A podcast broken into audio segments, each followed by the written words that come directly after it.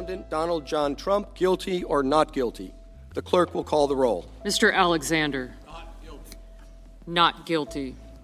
Riksrettssaken mot USAs president Donald Trump var allerede avgjort. Mr. Barrasso. Not guilty.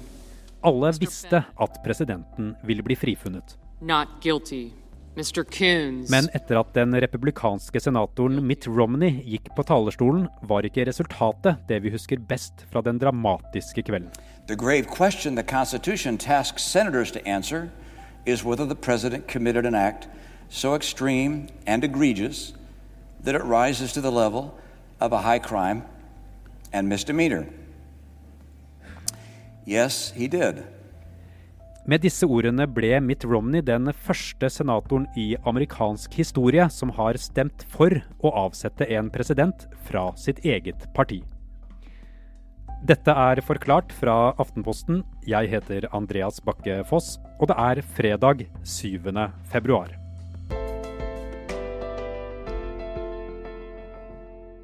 Utenrikskommentator Kristina Pletten, hvorfor ble president Donald Trump frikjent? Eh, for å si det enkelt så ble president Donald Trump frikjent fordi eh, alle republikanerne minus én stemte for at han skulle bli det. Og den ene var Mitt Romney. The results of this Senate court will in fact be appealed to a higher court, the judgment of the American people. Og det er han alle snakker om nå som riksretten i USA er over. Det er pga. talen han holdt før dommen falt. I am profoundly religious. My faith is at the heart of who I am. Mens han snakker, så tar han en pause. Han svelger og kjemper mot tårene. I.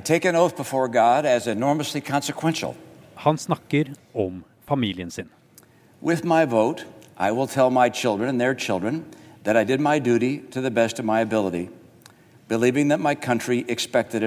Og så understreker han eh, hvor vanskelig det er å gå mot sin egen president og lederen av det republikanske partiet. I knew from the outset that being tasked with judging the president, the leader of my own party, would be the most difficult decision I have ever faced. Jeg tror det kostet enormt mye. Det kostet uh, mye styrke, mye mot.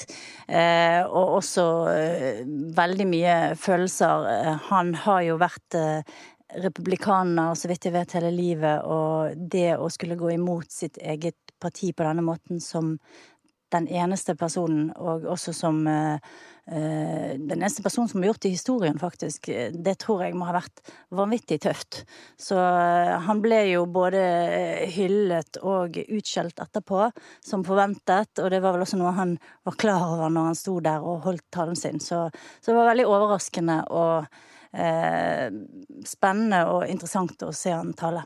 I will only be one name among many, no more, no less, to future generations of Americans who look at the record of this trial. They will note merely that I was among the senators who determined that what the president did was wrong, grievously wrong. Hvem er Mitt Romney?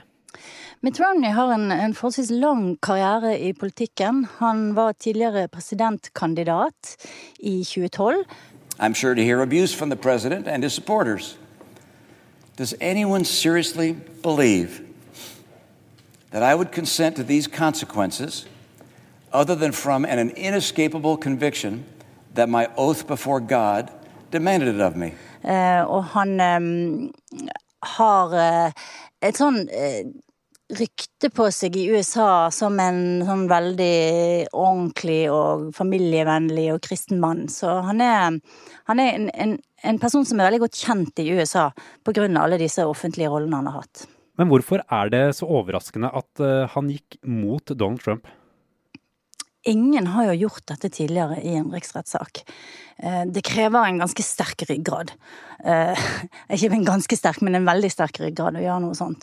Eh, og det var jo andre senatorer som man kanskje hadde trodd skulle ha en viss motstand i seg, men det viste seg at alle til slutt føyde seg inn i rekkene bak senatsleder Mitch McConnell, bortsett fra Romney. Og de som eh, gjorde det. De brukte jo da som, en del av de brukte som argument at selv om de, de mente at eh, Trump var skyldig i det han var anklaget for, så var ikke det nok til å bli felt i en riksrettssak. Men hvorfor gjorde Mitt Romney som han gjorde? Eh, han snakket om sin samvittighet og sin tro. Eh, Romney er mormoner, han er veldig opptatt av verdier. Eh, det har han vært i hele sin eh, karriere, og det har vært en, del, en veldig stor del av hans offentlige profil. Han har jo også vært en av de få republikanerne som har vært eh, ganske eh, sterkt kritisk til Trump. Eh, jeg oppfattet at det var grunnlaget i Romneys avgjørelse, var at han, han ikke kunne stå inne for det selv, sin egen samvittighet og sin egen, sin egen verdigrunnlag, da. Historien med Mitt Romney har gått eh, verden rundt, Kristina, og det kostet ham mye å gå mot uh, sin egen president. Hvordan har det gått med andre som har gått mot Trump? ja, altså Trump uh, ruller jo de i tjære og fjær og setter de i gapestokk og alt du kan tenke deg av offentlig ydmykelse. Alle som, uh, som, kritiserer han offentlig. Og hvis du er fra hans egen parti og går imot han, så, så er det liksom hundre ganger verre. så han mobber dissidenter til lydighet. Eh, og noe av det viktigste han gjør, er at han bruker sine betydelige politiske muskler. Går du imot eh, Trump, så støtter han motstanderen din når du stiller til gjenvalg. Eh, går du med han, så flyr han inn til delstaten din, henter deg opp på scenen, skryter av deg og oppfordrer alle fansene sine til å stemme på deg. Så det, det har veldig det har veldig praktiske, pragmatiske konsekvenser for de som går imot han, og for de som støtter han. Nå er det amerikanske folket veldig uenige. Og det merkes også inne i den amerikanske kongressen, da Donald Trump holder talen om rikets tilstand tidligere denne uken.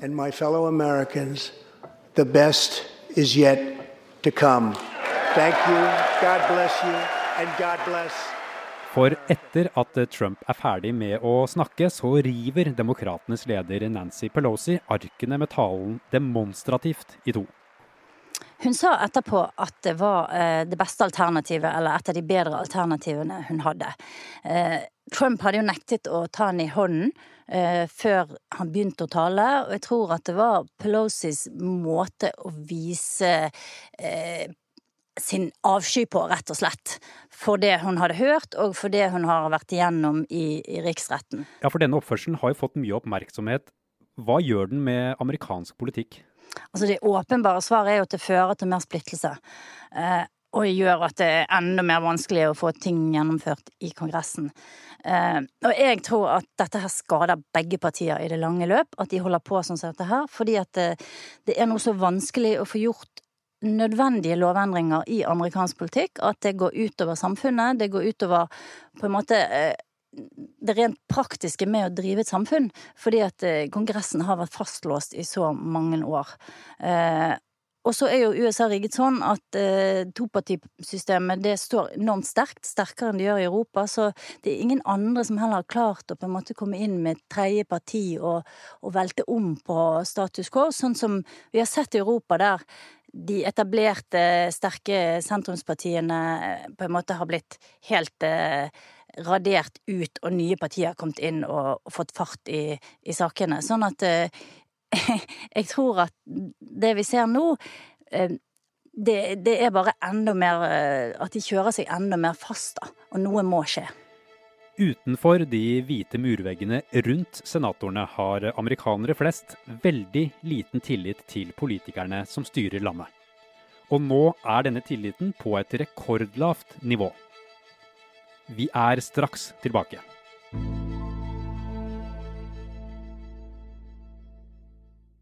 Det er et eh, institutt som heter Pew, og de samler gjennomsnittet av meningsmålingene i det amerikanske folket. En av tingene de ser på, er tilliten til politikerne. Og det høyeste de har målt, var tidlig på 1960-tallet, da John F. Kennedy var president. Altså, USA var jo i en enorm oppgangsfase helt fra andre verdenskrig og de neste tiårene. Økonomien gikk så det suste, de bygde opp landet. Eh, partiene var ganske moderate på begge sider. Sånn at når, når Kennedy kom inn, så var det veldig mye optimisme, og amerikanerne hadde det bedre enn europeerne og var liksom on top of the world. Men i 1963 blir John F. Kennedy skutt og drept i Dallas. Really, really og tilliten i folket stupte. I know that it's going to be a bad country without him. It's been very wonderful with him. He's been great, great president, I think. Utover på 60-tallet så fikk man flere hendelser som gjorde at amerikanerne begynte å miste tilliten til eh, staten og Washington. Vi fikk Vietnamkrigen. Det var flere eh, hendelser som sjokket amerikanerne. Eh, eh, drapet på Kennedy, drapet på Martin Luther King, drapet på Robert Kennedy. Og så fikk man Vietnamkrigen og etter hvert økonomisk nedgang. Så kom Watergate-skandalen, der Nixon til slutt måtte gå av etter avsløringer om spionasje, avlytting og innbrudd innbrudd hos politiske motstandere. I årene etter så går den litt opp og litt ned, før 1990-tallet og president Bill Clinton. Bill Clinton ble jo stilt for riksrett eh, av en republikansk kongress. Eh, mot slutten av 90-tallet. Men likevel så mistet ikke amerikanerne tilliten til eh, Washington på samme måte som de har gjort i dag. Eh, blant annet fordi økonomien gikk så det suste, og det var eh, mange andre ting i samfunnet som fungerte veldig bra. Sånn at den riksrettssaken der fikk ikke så store konsekvenser verken politisk eller samfunnsmessig. Men Kristina, om vi skal forsøke å oppsummere litt, da. Hva er det som avgjør om eh, det amerikanske folket har tillit til politikerne eller ikke? Eh, det er nok en kombinasjon av hvordan det går i samfunnet, økonomi og eh, om politikerne får gjort noe, det er veldig viktig. Og hvordan politikerne oppfører seg, altså om de innbyr til tillit selv, om det er skandaler, om de blir tatt i å lyve osv. Så, videre. så jeg tror det er en god, god blanding da av, eh, av det ene og det andre. Og det, det vi ser i dag, er jo at de verken eh, får gjort noe eller oppfører seg bra. Så da er det jo tydelig at det må jo eh, gå dårlig. Og nå mener altså færre enn én av fem amerikanere at eh, politikerne vil gjøre det rette. Hvilke konsekvenser kan det få? Det mange har håpt eh, det skal få av konsekvenser, er jo at det skal føre til at man reformerer valgsystemet.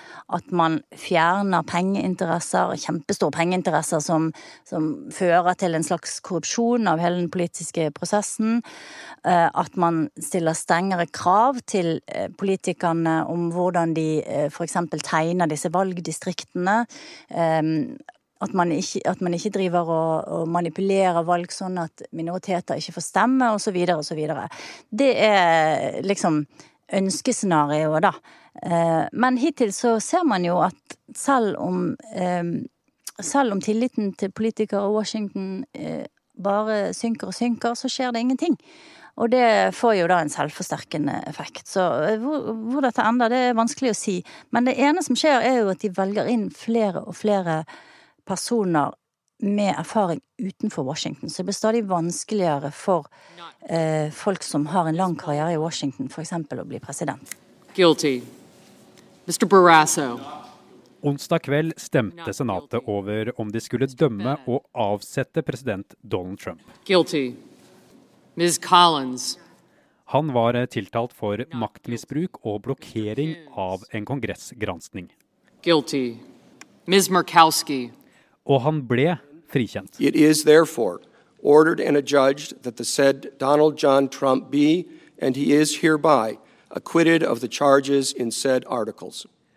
Nå har vi akkurat vært igjennom en eh, riksrettssak Kristina, der eh, det endte opp med at eh, president Donald Trump ble frikjent. Hva gjør det med tilliten i folket? Det som jeg har sett de siste ukene, tyder på at man på en måte bare forsterker det narrativet man allerede har trodd på. Så republikanerne og Trumps støttespillere de mener at nå har rettferdigheten skjedd fyllest, og at dette her er bra for demokratiet fordi at riksrettssaken ikke var legitim. Mens eh, demokratene mener at eh, dette var eh, en skandale, og at disse senatorene som, som, frikjente han, nå har vært med på å sette spikeren i kisten for det amerikanske demokratiet. Så jeg tror bare at det, eh, som, som, alt annet i det amerikanske samfunnet i dag, så bare forsterker det den oppfatningen folk allerede har, og liksom graver de lenger ned i hver sin skyttergrav.